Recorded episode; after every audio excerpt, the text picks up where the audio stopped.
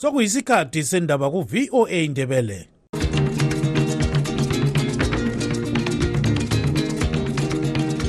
amatshono zihlobo siyalamukela kuhlelo lwethu lwezindaba eziphathelane lezimbabwe kustudio 7 eya voice of america sisakaza sisewashington dc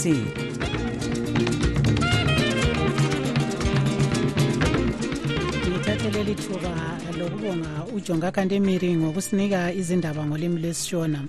Olamukela ngenjabulo enkulu emsakazweni westudio 7 ngomgqibelo mhla ka-27 zibandlela 2024 ngupraxitis jeremiah.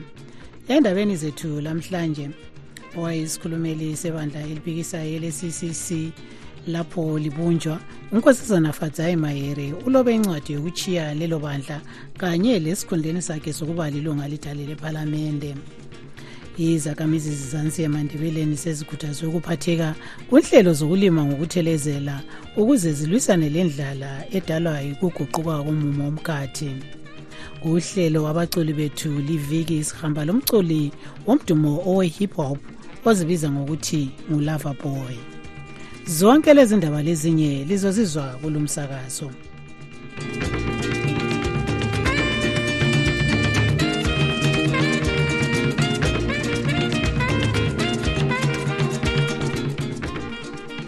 wayeyisikhulumeli sebandla eliphikisayo ele-triple c lapho libunjwa unkosazana fadzai mayere ulobe incwadi esazisa ukubana usechiya lelo bandla kanye lesikhundleni sokuba lilunga lidale lephalamende umayere uthe uthethe leli nyathelo elandela okwenziwe ngobe ngumkhokheli we-ccc umnumzana nelson chamisa okhalale leli bandla alibumbayo ngomnyaka ka-2022 esithi selingenwe yimpehlane yezanup f wathi elibumba besuka kwe-mdc alliance wahle wazisa ukubana izikhundla ezazikhona kaziseyi kusebenza ebandleni elitsha ele-ccc waba lezikhundla ezintathu kuphela esakhe esokukhokhela esesikhulumeli sebandla esanikwa umahere lesomsekeli wakhe umnumzana ostalos siziba wathi umayire esefuna ukuncintisa ukuba lilunga ledale lephalamende emela imount pleasant constituency eharare. Kulapho-ke wehla esikhundleni sokuba yisikhulumeli se-triple c sagcina sinikezwa umnumzana promise mkhonansi umayire uthi i-triple c ayingenayo. Ngomnyaka 2022 ayisiyo le aseyichiya manje.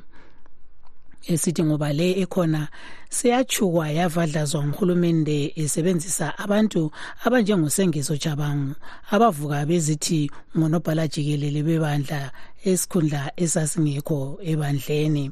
Ngakho-ke umayere uthi akasoze amelele ukuxotshiswa edale lephalamende ekubone kufanele ukuthi kungcono ukuthi ahle aziphumele. Uthi kodwa uzaqhubeka eqhuqhuzela umbuso wentando kaZulu ngazo zonke indlela. Lamlela ndwandwe lamlela ndwandwe lamlelwa msheshwe lamlela nampa bafobe mbula lamlela ndwandwe izakhamizi zezansi emandebeleni sezikhuthazwe ukuphatheka kunhlelo zokulima ngokuthelezela i-irrigation ukuze zilwisane lendlala edalwa yikuguquka komumo womkhathi. Isabelo sezansi emandebeleni sivele kasitholi izulu eliningi okudala ukubana izakhamizi zihlale zikhala ngendlala. Kunje kulabantu abangaba yizigidi phose ezintathu 2.7 million abadinga ukuphathiswa ngoncedo lokudla lonyaka elizweni lonke jikelele. Wabelt ncube usipha lolu daba ngokugcweleyo.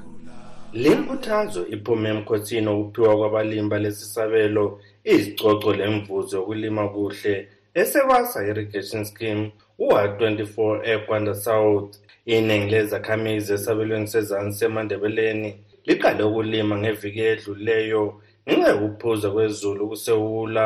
Ngalokho uzulu kulesi sabelo sekhuthazwe ukuthi aqine ngenhlelo zokulima ngokuthelezela ukuze athole isivuno esingcono. Ekhuluma emkhosini wayizolo oyenzelwe esebasa ekwanda south unkosikazi medlin magwenzi ongumqondisi wezokulima enkabazwe obemele unobhala omkhulu walolu gatsha umnumzana obejiri uthi izakhamizi akusamelanga zithembele emanzini alethwa yikuna kwezulu umhlaba uyaguquka. Kunenge okutshintshileyo yi-climate change esikhuluma ngayo. Izulu izolo singabuza izinduna ziyalitshela ukuthi belisina ngo-oktoba belisina ngonovemba nxa liphuzile. Kodwa okwamanje lina ngojanuwari lilokupheleni kukadisemba yikho sokukhona. Sesikhuluma ngani kukuthi abantu sithi food security everywhere and every day? Kwenzakala sisenza indaba ethi irrigation. Sifuna ukuthelela ngoba sesibonile ukuthi ekutheleleni yikho kulempumela khona. Uqhubeke ethi izakhamizi kumele ziqakathekise umsebenzi wokulima bawuphathe njengebhizimusi farming as a business. Yikho esikufunayo. Kuphela ukuthi kusasa njengoba lilime kanje imali yenu esikhwameni. Umnumzana ndodana dlamini oyiziphathamandla sikahulumende uthi uzulu sekumele alime ngokuthelezela ukuze nqabele indlala. Lo nyaka siyezwa izazi zomkhathi bethi sihlaselwe yilokho okubizwa kuthiwa yi-el nino. Khanya izulu alikho liningi njengeminyakeni. So irrigation um yiyo ezasincedisa kakhulu ukuthi sibone ukuthi ukudla kuyatholakala.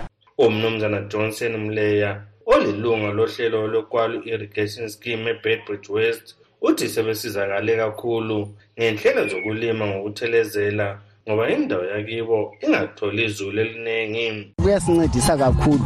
Kasisameleli izulu leli njengalokhu kodwa sesilima singami. Ikakhulu ngalesi sikhathi kungela zulu ikakhulu ngalesi sikhathi nxa imisebenzi iswelakala ngoba sesivele sesiyamekho ngoku unkosikazi miriam clow olilunga lesebasa irrigation scheme enqobe kulo mncintiswano wezokulima esabelweni sezansi emandebeleni uthi bakhangelele isivuno esihle esivandeni sabo. Lapha silime ngendaba ye-el nino sisitakile sile-7 hectares yomumbu osuwomile then leyi indima yona it's 7.4 hectares. Kwamanje silime i-14.4 le-9.7 of which is 24.1 sikhangelele nje ukuthi singavuna 6 to 7 tons per hectare yikho khona lokhu sibili siyazama ukuthi sithengise ezi thina lapha sile main challenge asikapenetrate kahle imarket. Izanuse zomumo omkhathi zithi isabelo sezansi emandebeleni sizathola izulu elilingeneyo. Okulapho kudala njalo enindlala ikwalu irrigation scheme ebedbridge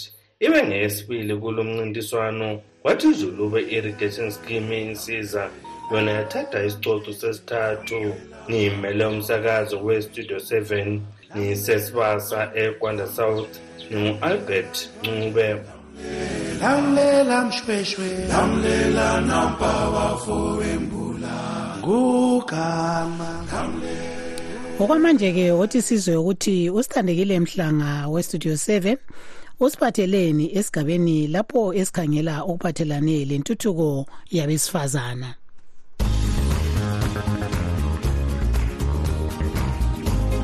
siyalamukela kweziphathelane labesifazana lilami osithandekile mhlanga. Lamhlanje sicubungula umkhuhlane wesihudo owekholera osumemetheka kwezinye izigaba zelizwe. Sixoxa lo khansila ntombi zodwa khumalo kaward 23 kobulawayo ukuze sizwe ukuthi ikhansili ilemizamo bani yokwenqabela lumkhuhlane kuleli dolobho. Kuliqiniso ukubana eh ikholera iyamemetheka endaweni ezithize. Kodwa engizakutsho ukuthi lapha kobulawayo besikusazanyiwe ngamandla wonke langazo zonke izindlela ukuthi kwenqabele ukubana ikholera imemetheke kobulawayo. Kulama-awarenesses ni okuqakathekiswa kakhulu ebantwini izindaba zokuhlanzeka ezokubana abantu bahlanzeke bananzelele kakhulu ukuthi bayageza izandla ngendlela efaneleyo. Lokhu kuyakhuthazwa ngitsho abantu nxa besiya ezibhedlela emaklinika ethu kulezimpompi abantu abageza ngazo izandla bevele bengakangeni laphakathi lapha belatshwa khona. Njalo kuyenqatshelwa lokuxhawulana kakhulu kwabantu phakathi komphakathi bafiswa ukubana ikholera iyathelelwana ngengcekezi engabe ibanjiwe ngezandla. Kwesinye isikhathi kulokudla okuphekwayo lokungaphekwayo amasaladi simo esiphakathi kwaso abantu bangaze bakuthakazelele ukuthi badle ukudla okunjalo embuthaneni. Kube kanti nje sikhuthaza kakhulu ukuthi kungabi lembuthano emkhulu nxa kusivumela loku ukuhlupheka endaweni ezinjengezimfeni singaze kwaba yinto esiyikhuthalelayo kakhulu ngoba kungezinye zezindlela ezingenza ukubana ikholera isabalale kobulawayo. Siyananzelela-ke njalo ukuthi baningi abantu abathengisayo izithelo. Siyakhuthaza ukuthi uyabe ethenga isithelo. Kubalulekile ukuthi kasithathe leso sithelo ayesigezisela ngikhaya ngamanzi awathembayo ukubana ahlanzekile. Okunye njalo siyakhuthaza ukuthi amanzi abiliswe singakaze siwanathe. Siyanika izifundo emaklinika kulama-health talk anikwayo konke lokhu kuyancedisa kuyahlomisa ubulawayo ukubana aqhubeke elidolobho elihlanzekileyo idolobho eliza kuvikela ikholera izibi siyabuth kanye ngeviki kobulawayo. Sikhuthaza ukuthi kakuvikele ukuthi kube lezibi eziphongulahlwa mahlayana egcekeni. Siyakhuthaza njalo lakubona abanye abafikayo bezothengisa abanye ngabafika ebusuku bavuke bethengisa ukuthi sixwaye indaba yokuthi loba ngaphi umuntu ukhululekile ukuthi alahle ingcekeza yakhe. Ukusilela kwamanzi kunye lomkhuhlane lo owekholera kungabe kuphatha njani abesifazane labasakhulayo njalo kule ndlela abangasizakala ngazo na? Kuletha kuhlupho kibomama lamantombazana ngoba yibo abayabe befanele bawadinga amanzi. Lapho kuyabe kuhamba kusiyakhiwa khona amanzi njalo kufanele bebone ukuthi izindlu ziyahlanzeka izambuzi ziyahlanzeka. Lanxa kuyabe kusezimfane khathi esiningi kuyabe kukhangelela ukuthi yibo abafanele babone ukuthi amanzi ukuthi abantu bageze benze lokhu lalokhu akhona. Indlela ezenziwayo ngezokuthi kuncediswe ngamabhawuza kulezo ndawo amanzi angasafinyeleli khona izimpompi ukubana ziwafikise amanzi. Njalo kuncediswe futhi ngamabhawuza ezindaweni lapho kuyabe kulezimfa khona ukuthi abantu benelise ukuthi bathole amanzi ikakhulu ngelanga lomngcwabo. Ye kulezinye njalo izindawo esezifakiwe amathenki okuthi kuthululele khona amanzi. Ye ngolimi lwenzini sithi ngama-water kios zindawo nje zokugcinela amanzi esigabeni lezi eziyabe zivele zingesela manzi afikayo. So njengedolobho lakobulawayo besikhangelela ukuthi lezi ndawo zande ezilalezi zigaba ezingaba leziphala zamanzi kodwa-ke njengobulawayo siyabe sidinga isandla esingasinceda ukuthi sibe sengezelele ezigabeni ezithize ezingafinyelelwa ngamanzi. Lawo matanka azagcina amanzi abe yisiphala samanzi azatholakala. Kube ngabe kutholakala ngithemba bekungaba ngezindawo ngezindawo sibe lawo kwenzela ukuthi nxa amanzi engekho laba sebethe baphelelwa ngamanzi ngenxa yokusilela kwezinto zokugcina amanzi bayesila kuzona lezo zindawo ukuthi zithathe amanzi. Sidinga njalo futhi isandla esingasincedisa ukubana sibe lezibhorane futhi ezithize phezu kwalezi esilazo ngoba yizi izindlela ezingasincedisa nxa sikhangele umumo wamanzi esilawo emadamu okwakathesi. Kwabanye inhlanganiso ezizimele zodwa ukuthi basincedise ukubana sikungezelele khonokho kobulawayo ukuze senqabele umkhuhlane wekholera sethule njalo umthwalo yabunzima kakhulu ebantwini besifazana ekudingeni amanzi. Leyo bekuyingxoxo lo khansila ntombi zodwa khumalo kaward 23 kobulawayo ebesixoxa layo kuhlelo lwethu oluphathelane labesifazana asidibaneni njalo ngomgqibelo ozayo lizwe ukuthi siliphatheleni okutsha lilami usithandekile mhlanga ngikhonapha ewashington dc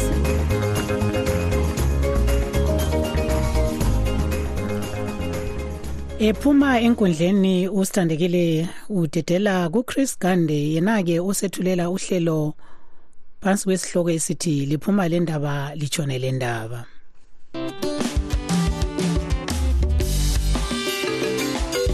Litshona njani? Izulu kandaba siyadibana njalo kuhlelo liphuma le ndaba litshone le ndaba igama lami nguchris gande lamhlanje kuhlelo lwethu sixoxa lo nkosazana khethiwe bhebhe ilunga lebandla le-mrp sihlaziya udaba lokubana uhulumende welebhelitani uthi elezimbabwe kumele lihlawule imali phezu kwamaplazi amabili ahluthunelwa abamhlophe linjani babagande hayi siyaluza udaba lwe-london high court babagande but okusalayo ngoba lathi sasingakazalwa ngalezo nsuku zabo uzonanzelela ukuthi lanamhlanje ungahamba kubokhilani kubo-bankside kubo-trinens uzothola ukuthi umlungu nje onguye lo mfazi wakhe mhlawumbe lo mntwana oyedwa babe lenkalakatha yendawo. Then nxa ususiya ngale kubomakhokhoba uthola ukuthi maybe a family of six amazimbabwe the-blacks babephoxeka ukuthi behlale endaweni encane nje. So mbona ingani konke khona lokho lakho vele kwakungekho fair? Kungani usitsho njalo?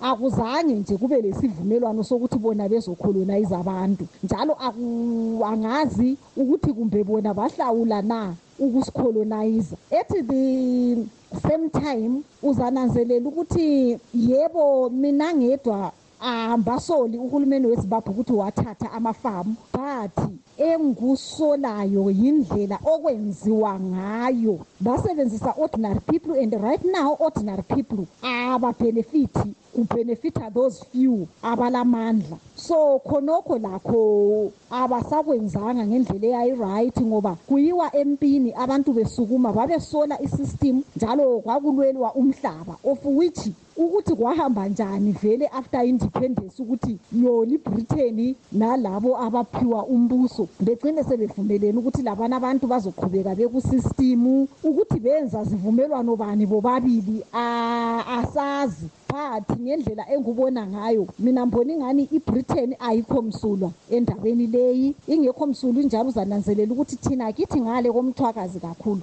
Bamosha shemu bamosha sibili okukhulu kakhulu.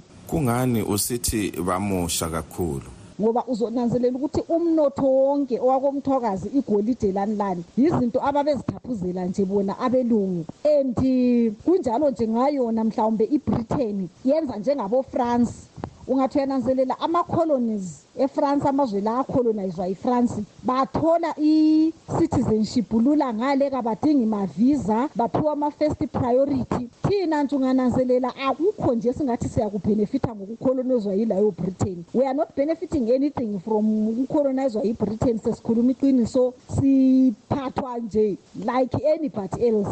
Lokuncane nje sasikubhenefitha icambridge yabo sebayikhipha futhi. Mina ngiqala isikolo ngo-1990 ngiqala ugrade one. Uzothola ukuthi obhuti bami ababesesekhendari ngaleso sikhathi they will tell you ukuthi icambridge yayi-free kuma-government schools. But manje we are paying a lot of money ukuthi abantu bethu befunde leyo cambridge. So kahle kahle akukho thina esinye esikuzuzayo ngokucolonizwa ibritain and um ungathi uyananzelela yona nje ibritain vele. Akucaci ukuthi how did they accumulate their wealth? Obvious is through colonizing other nations. So mina mbona ingani i-judgment kahle kahle ayikho fair vele ukuthi bethi izimbabwe ibahlawule imali enge-over 100 million us dollars. Nxa bebheke umkhonomi wezimbabwe they also contributed to the state of our economy right now. Ngapha thina komthwakazi there are a reason why sinje. Yibo abathiya besibambanise nalawo mashona kungelasivumelwano futhi. So mina mbona ingani ibritain konke khonokhu whoever passed that judgment.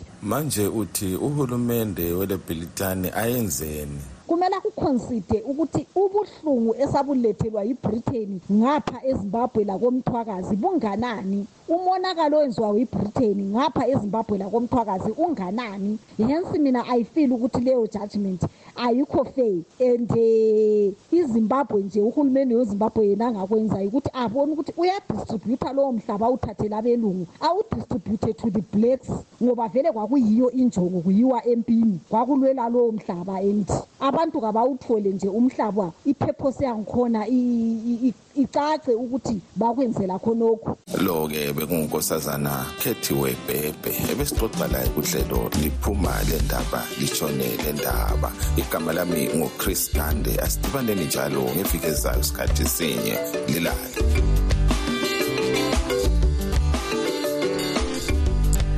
Noma nje uhulumende welebotswana esanda kukhweza iholo labasebenza ezindlini emaplazini kanye leminye imisebenzi yezandla i-minimum wage abezimbabwe abahlala kulelo lizwe bathi bona baqhubeka bethola iholo eliphansi kakhulu. Bathi abaqhatshi babahlawula imali ephansi ngoba iningi lisebenza lingelamaphepha okuhlala kwelebotswana. Yintatheli izindaba yestudio 7 umqondisi dube usipha lolu daba esehaberon kwelebotswana. Umphathi ntambo obona ngendaba zezisebenzi kwele botswana unkosazana anamukheti ukhiphe umbiko kuyona le iviki ekhumbuza abaqhatshi ukuthi bahlawule izisebenzi belandela umthetho ofakwe kunguhulumente owe-minimum wage umkhethi usanda ukutshela idale lephalamende ukuthi bonke abakumsebenzi ezandla efana lokwakha ukunusela lokunye bakhwezelwe ngokungaphezu kwamachumi amabili ekhulwini i-23.5 percent kumali abayithola ngehola ngehola kukanti abasebenza ezindlini kanye lemaplazini bona kumele behlawulwe iholo lenyanga. The increase of statutory minimum wage rates for the agricultural and domestic sector by 38 sikhweze iholo kuyo yonke imisebenzi yezandla nge-23.5 percent ngaphandle kwemisebenzi yezindlini lemapulazini yona ekhwele nge-38.4 percent okutsho ukuthi laba sebehola i-1500 pula ngenyanga.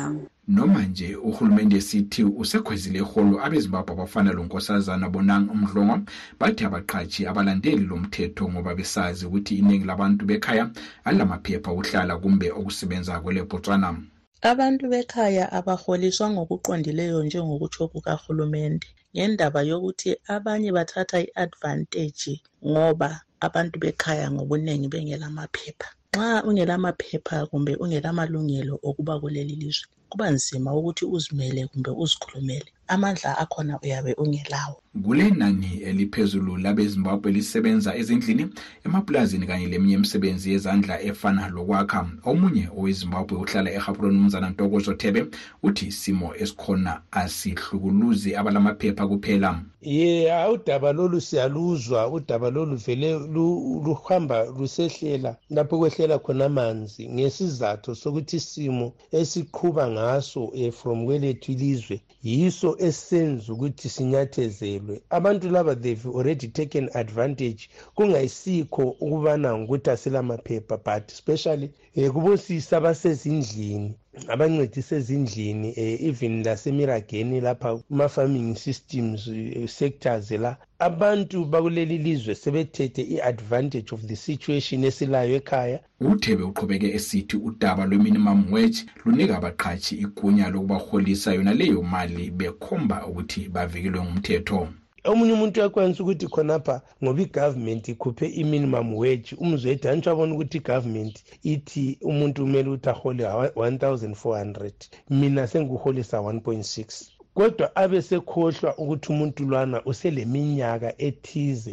esebenza layo instead of calculating ipercentage ekhweziweyo akhwezela umuntu uyamthole selokhu ekhombela ukuthi mina vele sengi-above that a minimum wage ekahulumende. Of which sebethatha futhi le-advantage yokuthi abantu abavele ekhaya they are flowing in big numbers bezodinga um okokungabaphilisa umnumzana mkhululi moyo owenza umsebenzi wokucecisa ezivandeni utsho umbono wakhe phezu kwalolu daba. Uhulumende sezwa sibili lapho ebotswana ukuthi wakhweza imbadalo esingathi iholo labantu abasebenza ezindlini construction agriculture lakho kunjalo njalo i-minimum wage. Kuzindaba ezinhle kakhulu kodwa kuphinde kungantiwa kuba ngumnyama ikakhulu kithi.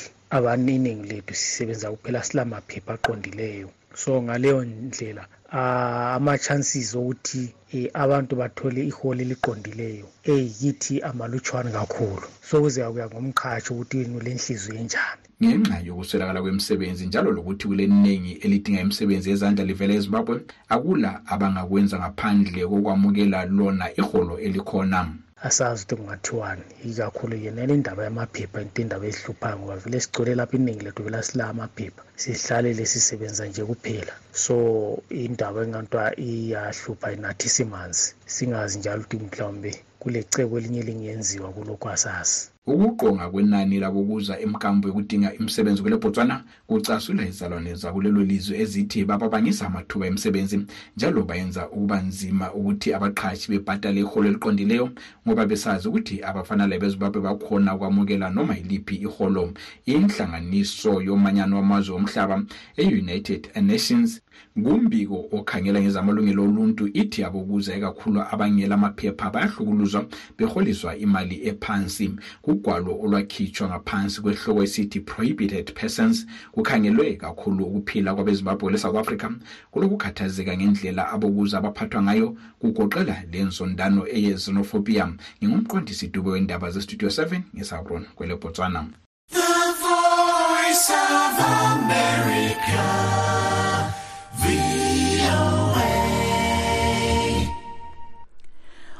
uhlelo abaculi bethu liviki sihamba lomculi womdumo owe hip hop ozibiza ngegama lokuthi ngulava guy linsizwa idabuka esilobela kodwa isebenzela ikwele botswana nansi ke ixoxa lontungameli nkomo westudio 7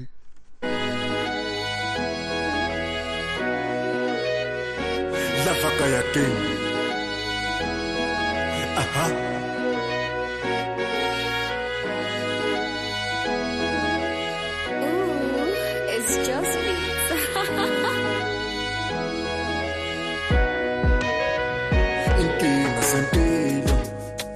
zivela ma usukhulile babuye bekulinga abathakathi masebe wena sukhulile inkinga zempilo ngokwegama lokuzalwa ngukutuli makhosana ngidabuka esilobela angilaminyaka etheni semculweni ngaqala ukurekhoda ngo-2022 ingoma yami ethi ukhumbulekile. Ngazorekhoda lezi ezinye um u-without you lenkinga zempilo nonxeba engilalo ngo-2023 so njengoba uthi ikhumbulekile engagcwalanga emphakathini ngayiletha nje yakuthina ijoyine ezinye zaba ngu-four ngizengoma ezingu-four balomona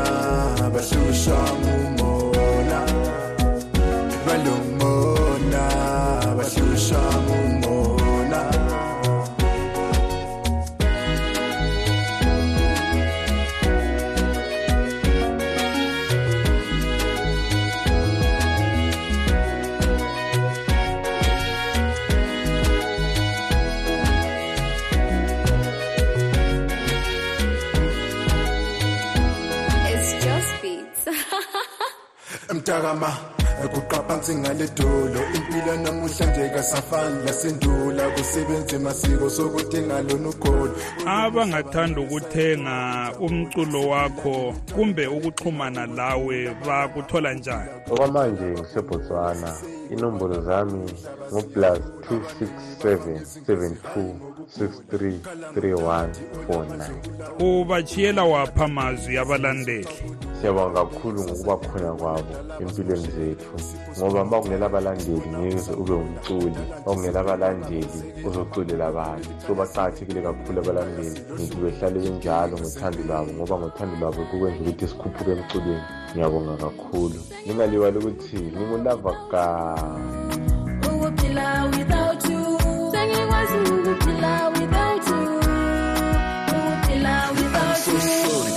sorry sibona okuhle ngicela uwazi kulo mhlaba wenu yikho konke okuhle. Njengamanzi olwandle ahlezi emhlophe ahlezi onemahle ayinokulolu thando mina angenzanga kahle. Indoda bathi yindoda ngamaphutha ayo. Asiyeke okwedlule sithanda sibheke okubuyayo. You are my heart ungeyami ihliziyo. Bakhona wena sithandwa akukho kuyehlulayo wayembamba ngesandla etithula ma-itali ngididekile ngikhala vele acele ngingakhali sokwaphela uthando imvalo Icala lami lokuthi sihlukane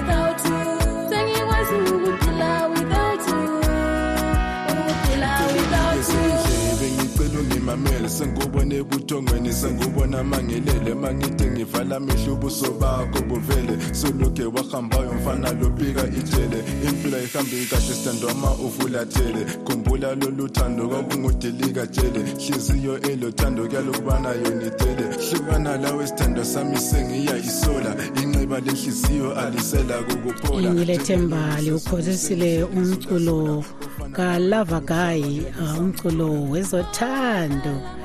Ah isikhathi sethu asavuma ukuba siqhubekele phambili silokho sisonke kulolu hlelo kodwa ke sizakwenza ukuthi sikhangele ezinye zezindaba ebezikhokhela. Izakhamizi zazansi emandebeleni sezikhuthazwa ukuphatheka kunhlelo zokulima ngokuthelezela i-irrigation. Silugqiba-ke lapha uhlelo lwethu lwalamhlanje olivalelisayo ngupraxetes jeremiah.